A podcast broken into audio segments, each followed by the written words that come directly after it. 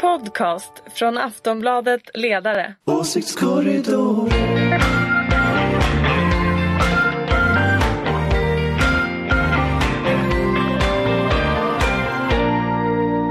Hej och välkomna. Det är upprop i åsiktskorridoren hösten 2019. Det är Ulrika Schenström här. Yes, här är Dan, jag. Dan Sedin. Ja. Anders Lindberg. Ja, som just satt sig under mikrofonen. Oj. Får man Det är typiskt, det här är det här är ju perfekt Ja, okej. början Eh, Vi har faktiskt. eh, lite maskinhandhavande problem här. Ja, Han ligger ner och pratar. och sitta sådär. Eh, bra, alla är här. Nej, Jag heter. Anna Andersson. Det är höstupptakt för Åsiktskorridoren. Välkomna hit allihop. Tackar. Tackar. Eh, innan vi går in på hösten så ska vi prata lite kort om sommaren. Det, jag tycker att det har varit en ganska stilla politikersommar i Sverige i år. Vad säger ni? Är det någonting man tar med sig? Alltså, ja, ja, det var lugnt och, och stilla ända fram till 23 juli. För då? Då satt jag och tittade på direktsänd Sky News hela dagen om när det blev, eh, Boris blev eh, premiärminister. Mm, det var liksom två dygn där som var bara matades på direktsändningar. Här åker Boris till drottningen, här åker Boris från drottningen. Fantastiskt. Ja, det är fantastiskt. Och jag har Sky News på hela dagarna nu. Jag har en stark känsla av att vi kommer få anledning att återkomma till Boris Johnson under så? den här hösten. Så Men jag hade det. alltså rätt bara så att vi vet det, att han skulle bli premiärminister. Jag har det aldrig gissade sagt väl här, alla jag andra kom, också? Nej, inte alla andra. Verkligen inte. Jag blev Vem, vem, gissade, hånad. vem gissade inte på Boris? Ja, vi kan ta reda på det sen. Vi får gå tillbaka Väldigt många som eh, hånade oss som trodde att det skulle bli han. Eh, Daniel, vad tar du med dig från sommaren 2019? Politiskt? Nej, men jag tycker att det har varit en ganska, med undantag för det här ASAP Rocky-fallet så har det varit en ganska, från liksom inrikespolitiskt ganska händelselös sommar. Det har inte varit några skogsbränder. Det har liksom tack och lov inte varit några terrorattentat utanför landets gränser som det var för Och ingen ett par år sedan. Nej, transportstyrelseskandal? och ingen stor politisk skandal egentligen som kokar heller. Eh, så att eh, jag har jobbat, det här är min femte vecka på jobbet och eh, de sista veckorna har varit lite att koka soppa på en spik. Så att ur ett yrkesperspektiv är det ju skönt att politiken rullar igång. Ja, och då kan vi också säga apropå tid där att det är den 19 augusti när vi spelar Mm. in det här. kan vara bra att veta. Anders, sommaren 2019. Jag vet inte så mycket. Alltså jag, jag stängde av, jag har som tradition att jag stänger av så här sociala medier och så när jag är ledig. Så, att, eh, så jag stängde av sociala medier efter Almedalen och eh, åkte till en solstol vid Medelhavet och sen så satt jag i den solstolen tills, eh, tills eh, Tills vi kallade på det. Tills, nej, tills ganska länge. Så jag tappade liksom bort alla nyheter där. Så jag började väl upptäcka att politiken fanns igen förra veckan någon gång. Det låter behagligt. Ja men och då fanns här, då, då, det första som stirrar mig i ansiktet då det är Hanif Bali som finns överallt i alla tidningar. Eh, och att det är någon kontrovers i Moderaterna om att eh, Hanif Bali får liksom sätta bilderna av Moderaterna och det tycker inte alla moderater Men om. är det verkligen en kontrovers? I, det, I Expressen hävdade jag att, de hade till och med på framsidan att det var en kontrovers. Ehm, och då kände jag så här att okej, är det här svensk politik? Det här har jag längtat efter hela sommaren. Ja, då är det mycket mer intressant med Boris faktiskt. Men jag ska lugna mig. Och så vill jag bara De är inte helt lika. Nej, nej, inte helt. men en annan stor nyhet som jag bara kom på också i hastigheten är att Ylva Johansson blir kommissionär. Om hon klarar förhören. mm, Ja. Det kommer gå bra. Jag tror också det. Mm, Har ni några gissningar? Vad får hon för portfölj? Man hoppas ju på arbetsmarknad, men det är ju väldigt osannolikt naturligtvis. Man hoppas ju det och tittar man på arbetsmarknadspolitik i Europa så är det ju, det är ju ett problem med liksom utstationerad arbetskraft och, och, och regler för att man ska förhindra lönedumpning och sånt. Så att det, det hoppas man ju att hon får.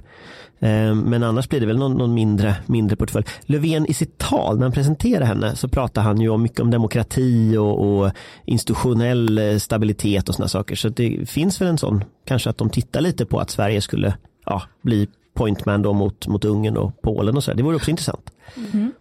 Ja, nå- Daniel? Nej, men jag delar den. Att, att man, att man väljer, nominerar henne är ju, handlar ju om arbetsmarknadsfrågor såklart. Men det som har varit regeringen Löfvens, både under valrörelsen 2014 och nu EU-valrörelsen, är ju, har ju handlat om liksom demokratin och för pluralism och det väst, västerländska li- liberala demokratiska systemet. Så att det är väl de två grejerna man hoppas på att man ska få bära. Att Sverige ska få bära. Ja, okej.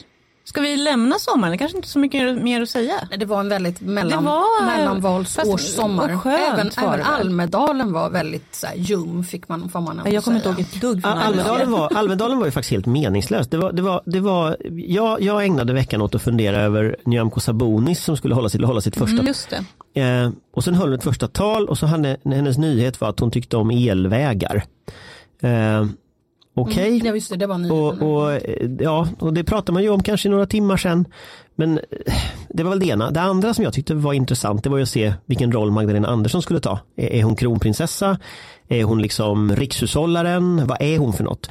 Och hon var rätt mycket kronprinsessa.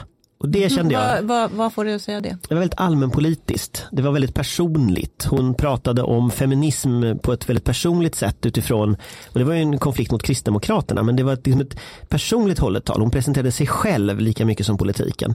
Eh, och det var en intressant, ska säga, det är en intressant förändring i, hon har gjort det förut, det är inte helt nytt, men, men, men det var liksom intressant. Hon hade kunnat välja att liksom en allvarlig ekonomisk tid, nu ska jag ta ansvar, bla bla bla, men det, det var inte den retoriken, utan det var mer av en vänsterretorik och det är klart att eh, jag, jag gillar det där eh, och, det, det, det Men du tror signalerar helt något. enkelt att hon vill ta över som partiledare? Det är det du är ute efter? Nej, alltså, det- jag, är inte, jag är inte säker på det och det är kanske till och med så att hon inte vill. Eh, Men i, i Socialdemokraterna så, så väljer man ju inte det där riktigt själv utan, utan det där är ju det, Du tänker så? det finns Det ju verkar- blir fri, saker som är frivilliga och som inte är det. Många känner sig kallade dock. Men, Ja, men jag, men, jag, jag tänker så här, Kristersson är redan trött och arg. Han leder en allians som inte finns. Eh, men samtidigt att vinna ett tredje val för sossarna är jättesvårt. Eh, och då är ju som, vad, vad, kan ändra kartan? Och då tänker jag så här, en sak som skulle ändra kartan det är att man väljer eh, hösten 2001 eh, Magdalena Andersson till ny eh, Nu är det 20, långt. 2021. Ja, 2021, förlåt. Ja, Eh, väljer Magdalena Andersson till ny, till ny eh, partiledare och hon kan bli statsminister. Och sen så ska man möta Kristersson med Sveriges första kvinnliga statsminister. Och då, då är det kanske möjligt att vinna en tredje mandatperiod. Och, och jag tror att sossarna är ganska långsiktiga och tänker. Så att jag tror att de där tankarna finns. Okej, Eh, så, ja. så det är det jag funderar på. ja, men det är klart ja. att de säkert försöker ha en plan. Det försöker ju alla partier ha. Så att det, det är kanske är så det är. Och Kristersson ska ju vara oppositionsledare eller vad han nu är då tills dess. Och det är klart att det mal ju också ner förmågan att vara ny och fresh. Så, och att, att Fast jag- möta. jag- så att, Ulrika, Du, du får gärna måla på på det där sättet, absolut. Men, men, men jag menar, så länge man förhåller sig till sig själv så är det väl mycket enklare oavsett vilket parti man pratar om. Så att om sossarna går in till sig själva och funderar på hur man ska vinna val framöver och vilka frågor man ska vinna det på och vilka företrädare så kan de väl göra det. har ju ingenting med Ulf Kristersson att göra överhuvudtaget. Vem han är måste han ju få bestämma själv. Så att vi får Det väl blir se. mer det, och mer- blir ju ett parti, det är ju en partistämma i höst. Får vi se hur det går för, för Moderaterna och vilken väg han tänker välja för den här mandatperioden. du tror att det kommer man förstå vid den stämman? Nej men då kommer du väl se det. Nej men alltså jag vet Ja, inte. Men alltså, nej. det kan ju mycket väl vara just vid stämman som man. när är eh, stämman exakt? Ja, slutet på oktober. Slutet på oktober. För, att, för jag tänker ju att eh, våra val blir ju mer och mer presidentval. Eh, alltså själva valrörelserna, det handlar om två personer liksom ska bli statsminister. Samtidigt så är partilandskapet allt mer uppsplittrat. Mm, Som, inte, ut som, inte sedan liksom 18, så överens, att- ja, det, som inte överensstämmer med det där presidentvalsgrejset. Så att det, det finns ju en missmatch här. Nej men det blir ju en spännande höst och både med Moderaternas stämma och se om de har kommit framåt med någon politisk inriktning. Vi- vi- Ett, två, Brexit eller inte. Så att jag menar Europas framtid och, och mycket av vårt eget landskap kommer ju säkert klarna. Eller inte klarna. Nu är vi då- ju inne på hösten här och vi kan väl säga att, eh, vi kan säga att den började officiellt igår. när Stefan Löfven höll sitt sommartal i värmländska Kristinehamn. Valde han att vara den här gången. Och det han gick ut med då var det här att, eh, vadå? Nu tittar ni på mig. Göran. Borg. Vad sa du? Björneborg. Ja, det var nog, det är nog, var platsen. Ja, precis. förlåt. Det var en- Jag blev bara så här, det var ändå den platsen. eller Ja. Det är som att prata om förlåt. Ja. Norra Bantorget. Ja, Det ligger ja, Jo, men jag bara, vi får klippa där. Ja, det var en eh, förvirrad stämning spred sig. Eh, jo, det han lyfte då var det kommunala utjämningssystemet som han vill göra om flaggan för. Att rika kommuner ska ge mer till de fattiga. Eh, Irene Svenonius, moderat ordförande i Region Stockholm heter det väl nu för tiden. Gick ut och sa att Socialdemokraterna uppenbart är emot Stockholms läns invånare. Eh, kanske inte så konstig reaktion från henne. Var det en, en smart grej av Löfven att, att göra utspel på? Absolut. Han ville vara kompis med Centern. Eh, och eh, göra det här, eh, alla de här punkterna som de har kommit fram till. Så att det var väl ett sätt för honom att, regera vidare helt enkelt. Visst. ja, men det är ju klart att den här politiken behövs ju också. Det får man inte. Alltså kommunerna skriker efter pengar och är det några kommuner som vill ha mycket pengar eller behöver mycket pengar så är det kommuner som är fattiga. Jag skrev precis när jag kom tillbaka från min semester så skrev jag om att massa Bergslagskommuner som eh, redan går jättedåligt på grund av att man har tagit så stort ansvar för migrationen eh, nu får liksom ta emot eh, eh ja, socialfall kan man säga, mm, knarkare, hemlösa som skickas på export. Då, Ett förtjänstfullt reportage i Expressen ska vi precis. säga om och, någon slags social dumpning. Ja. Precis, det uppmärksammas tidigare i Radio Dalarna och Radio Örebro och sådär. Eh, så att det finns ju liksom, eh, man, man får bära så oerhört mycket mm. av, och av liksom, ja, det kom en, en eh, rapport som DN refererade till igår också som visar om hur de allra fattigaste kommunerna inte vågar söka de här extra pengarna till skolan. Nej. För att de är rädda att bli återbetalningsskyldiga. Precis. Då har det väl ändå gått och man, vå man vågar inte bygga nya lägenheter för då vet man att då kommer Lidingö att skicka sina hemlösa och narkomaner till eh, Filipstad eller så. Mm. Samtidigt så behövs ju, så jag, jag, förstår varför man gör så där. Det här kommunala utjämningssystemet är ju extremt komplicerat. Jag tror inte att någon som sitter runt det här bordet faktiskt kan hela systemet och hur det fungerar. Men det är klart att eh, jag blir så här bekymrad över eh, köer till eh, Nya Karolinska och sånt där som ju bara blir längre och längre och längre. Så att, men, det, kom, det kommer ju drabba har inte Svenonius liten poäng? Jag menar, det, är, det är inte som att Stockholmskommunerna är utan problem. Här, här har liksom, hon är högst politiskt ansvarig för som har liksom administrerat det här ideologiskt havererade sjukhuset och nu skickar cancerpatienter till fattigare regioner i södra Sverige, Finland. västra Sverige och Finland. Mm. Eh, och att liksom säga då att Stefan Löfven ogillar stockholmare när man sitter och har ett sjukhus som ja, inte fungerar. Nu var det väl kanske inte just Irene Svenonius som höll på med det där sjukhuset. Jo, jag struntar faktiskt i vem det är som är. Jag är ju själv patient så jag, jag, jag tycker att det är viktigt att vi får eh, till stånd att de här köerna inte är flera års långa. Absolut. Om jag ska vara riktigt ärlig. Så att, så att jag förstår hans eh, politiska taktiska beslut till att göra så här men jag är inte så säker på att det kommer att, att betala sig för att det bor ändå väldigt många. Du menar växla ut sig i röster? I röster, mm. precis. Men Fast, men han jag, håller ju samman sin, sin, uh, sitt underlag, jag, Centern och Liberalerna. Fast jag tror inte det är partitaktiskt i första, första hand, utan det är ett lite mer långsiktigt tänk kring att det är centrum-periferi som håller på att bli den nya konfliktdimensionen. Mm. Och jag tror att vad Löfven undviker här det är en slags gula västarna-läge. Där, där på något sätt oavsett vilken fråga som driver från Paris så dyker gula västarna upp och tar en landsbygdsstad-dimension i det. Och det slog ju till kring klimatfrågan väldigt hårt. Och Löfven har ju en väldigt ambitiös klimatagenda eh, Eh, under den här mandatperioden. Och det är klart att det måste kombineras med någonting som håller ihop land stad. Så jag tror att det här är liksom förebygga någon slags gula västarna-utveckling. Och jag tycker det är smart. Det här är liksom det här är inga sossar som jag känner igen. Okay. Eh, än de här eh, sossarna som man hör till vardags. Även om de administrerar en centerliberal politik numera. Mm, Rub it in. Jag, jag, tänkte på det du nämnde om att eh, Stefan Löfven ska hålla ihop sin allians, sin nya allians. Det är ju intressant och Centerns förhållande till det här. Alltså de vill ju gärna ha den här politiken såklart eftersom deras politiker är i den här verkligheten. Och de har ju sannolikt lättare att få igenom det när de har kastat av Moderaterna som ju har liksom obstruerat alla landsbygdspolitiska Nej, det är inte ambitioner. sant. Du kan uppenbarligen ingenting om enskilda vägar, det hör jag. På utgiftsområde 22, kommunikationer. Reseavdragen. Det har Reseavdragen, du ingen aning om uppenbarligen. Moderaterna havererade. Nej, nej, nej, nej, där kunde ja, ja, ja. du inte. Ja, förlåt, mm -hmm. Daniel avsluta. Nej, eh, ja, det är helt enkelt så här, det är, äntligen så okay, kan äntligen Löf få, få blomma i, i mm. skuggan av en stark socialdemokrati. Mm. Tycker du ska läsa motionerna om vägar, just, just, just, just, äh, just 22 ja. där. Mm. Men vi, vi får ju se då var det här utspelet landar i rent när, när, när budgeten presenteras helt enkelt. Vi ska det prata... blir intressant hur de ska finansiera försvarsfrågorna också framöver. Det tycker jag vi ska det prata mycket är, med någon här inne om. Ja. Väldigt mycket med mm. Anders Lindberg. Hur mm. ska man finansiera Anders Lindberg ler i mjugg just nu kan jag mm. säga. Vi, vi Men det är tydligen inte en fråga för idag. att återkomma till försvaret. Ja, det är så mycket vi kommer få skäl att återkomma till. Men vi ska prata, för nu som sagt sitter ju regeringen och snickrar på budgeten. Eh, de åker till Harpsund senare i veckan, de ska äta kräftor och ja, förhandla antar jag med varandra då. Ulrika, du har varit på insidan. Mm. Hur, hur går det till? Hur får man ihop den här budgeten? Ja, alltså den är nog det mesta redan eh, spikad. Det är bara att man ska förhandla eh, de sista grejerna, sen låser man tabellverket. Och det kommer inte ske förrän om kanske inom två veckor.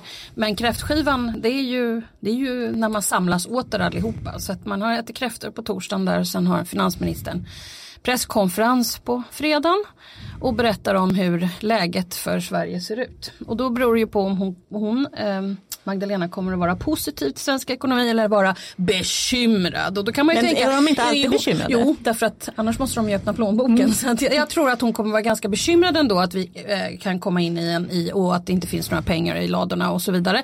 Det beror nog inte bara på att det kanske är så läget är utan också att inte de andra ska kräva en massa saker från henne. Strama Så att- tyglar. kan man sitt finansdepartement så kan man sitt finansdepartement och det, de säger alltid nej. Det är roligare att säga nej. Men du, du sa att det, att det i princip är klart bara lite små skruvar. Jag Vad, tror vad, kan det vara, vad kan det vara för så här små frågor som ligger och skramlar nu på slutet?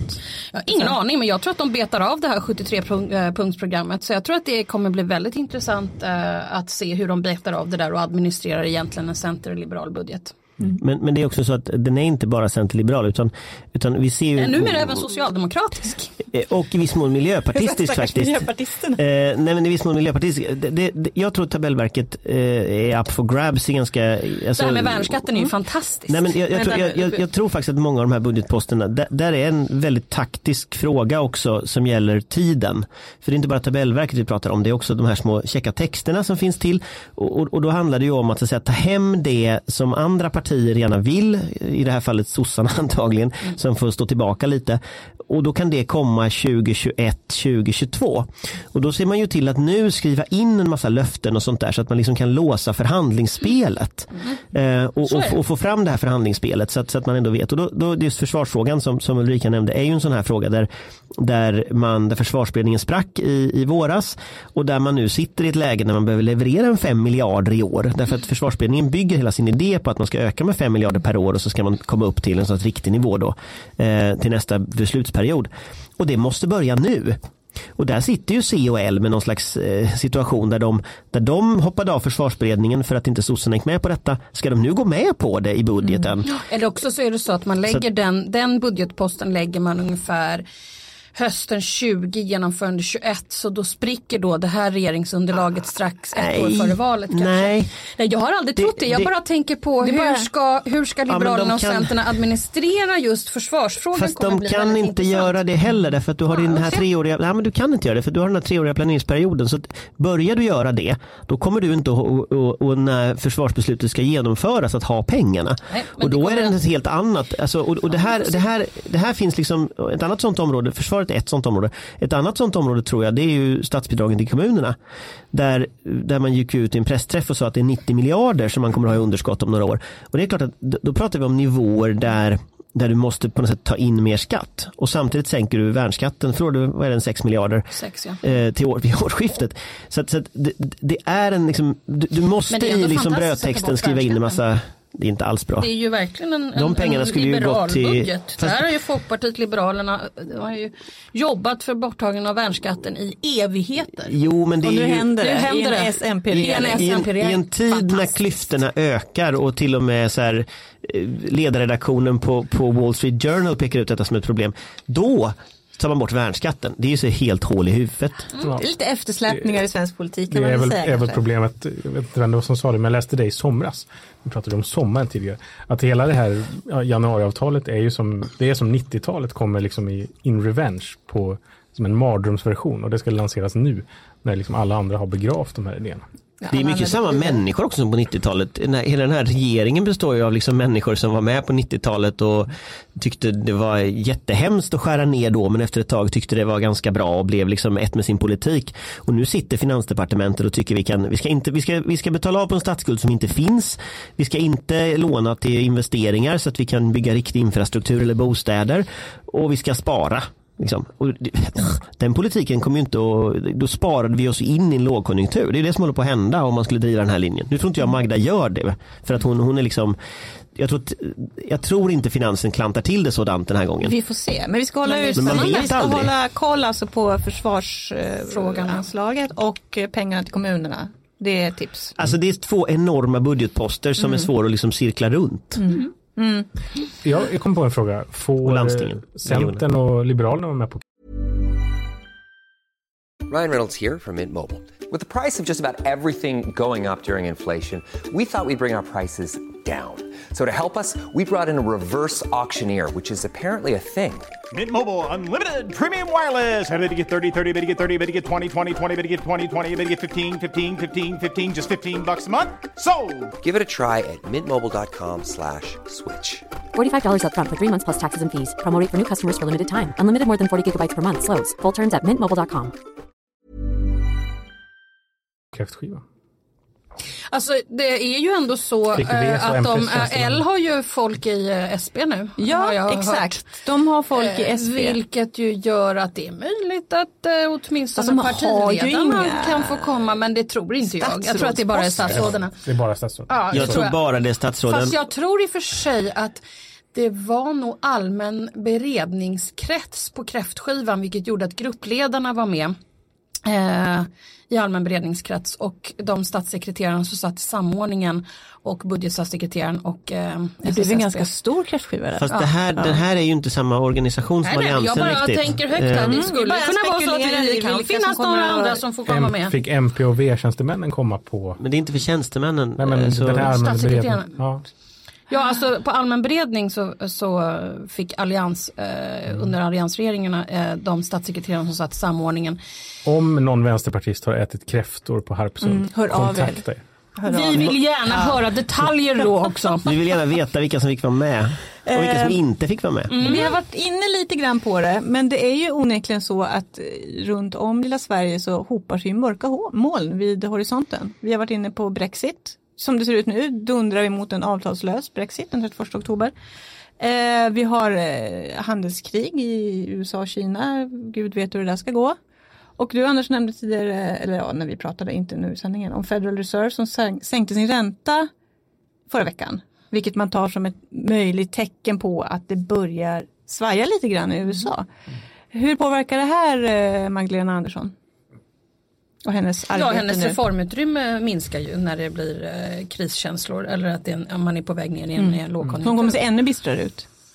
Ja, och det, det gör hon nog rätt i om jag ska vara ärlig. Därför att en finansminister som inte visar enormt mycket allvar och eh, ansvar tror jag inte. Man ska inte ha någon glad check tjomme eller tjomma som, som finansminister. Som Boris Johnson kommer jag vara på. Ja, men det, vi ska prata om honom. De, de de, de, deras ekonomiska idé verkar ju vara att lova allting till precis alla som lyssnar. Det verkar ju hans idé. Boris Johnson. Han åker ju runt i landet och lovar allt till alla. Allt ska bli jättebra. Och- Framförallt till eh, NHS, alltså Jo, men- nationella eh, Sjuk- sjukvården. sjuk- Sjukvården, ja precis. Och eh, det, så det, det kommer ju inte hålla. Så kommer ju inte Magdalena Andersson att göra. Där har vi 90-talets spöken som kanske är lite klokare. så. Men däremot, jag tror ju att vi står i ett vägval om vi ska spara oss ur en kris och försöka fortsätta med den här liksom ganska åtstramande politiken eller om man ska investera sig ur den. Och då handlar det ju om infrastrukturinvesteringar, det handlar om bostäder, det handlar om utbyggnad av välfärdsstaten, det handlar om att satsa pengar på integration och så vidare. Eh, Försvar nämnde vi, krishanteringen har vi ju sett, nu funkar det ju bättre den här sommaren än förra sommaren när allt brann upp. Men det är klart att nästa sommar kanske det börjar brinna igen lite större skala, då måste organisationen finnas på plats. Så det, det är väldigt mycket investeringar som behöver göras. Så det finns ju en möjlighet att tänka, okej vi behöver göra investeringar, vi behöver stimulera ekonomin, okej då betalar vi inte av på statsskulden och vi blåser på så att säga med det här nu. Det är ju ena vägvalet. Andra vägvalet det är ju att fortsätta den här linjen och, och någon slags hård, hård liksom ekonomisk politik. Och där hoppas ju jag att liksom de regeringspartierna vänder sig mot en mer expansiv politik och liksom driver den. Och det finns ju inte en sån möjlighet om man vill. Ja, precis. Nej, men eh, Riksbanken är ju de som brukar få sköta liksom, konjunktursvängningarna, bemöta dem. Men nu är det liksom eh, nollränta, så det, det finns inte så mycket att göra annat än det som Anders skisserar. Liksom, att man eh, ja, Arbetar sats- mer politiskt. Ja, men om, Finanspolitiken. Exakt, det måste ju till tror jag. Och eh, man hoppas ju, och det är väl liksom det som kan vara liksom vänsterns smala chans någonstans i bred mening att mycket av det här januari-tramset kanske måste pausas på rätt lång tid för att konjunkturen blir så, eh, ja, Så ansträngd. så låg. Mm. Ja, okej. Eh, som jag nämnde, flera Brexit utan avtal. Tror ni att det kommer bli så? Kommer Jag har- jag- jag har- Storbritannien lämna EU utan ett avtal?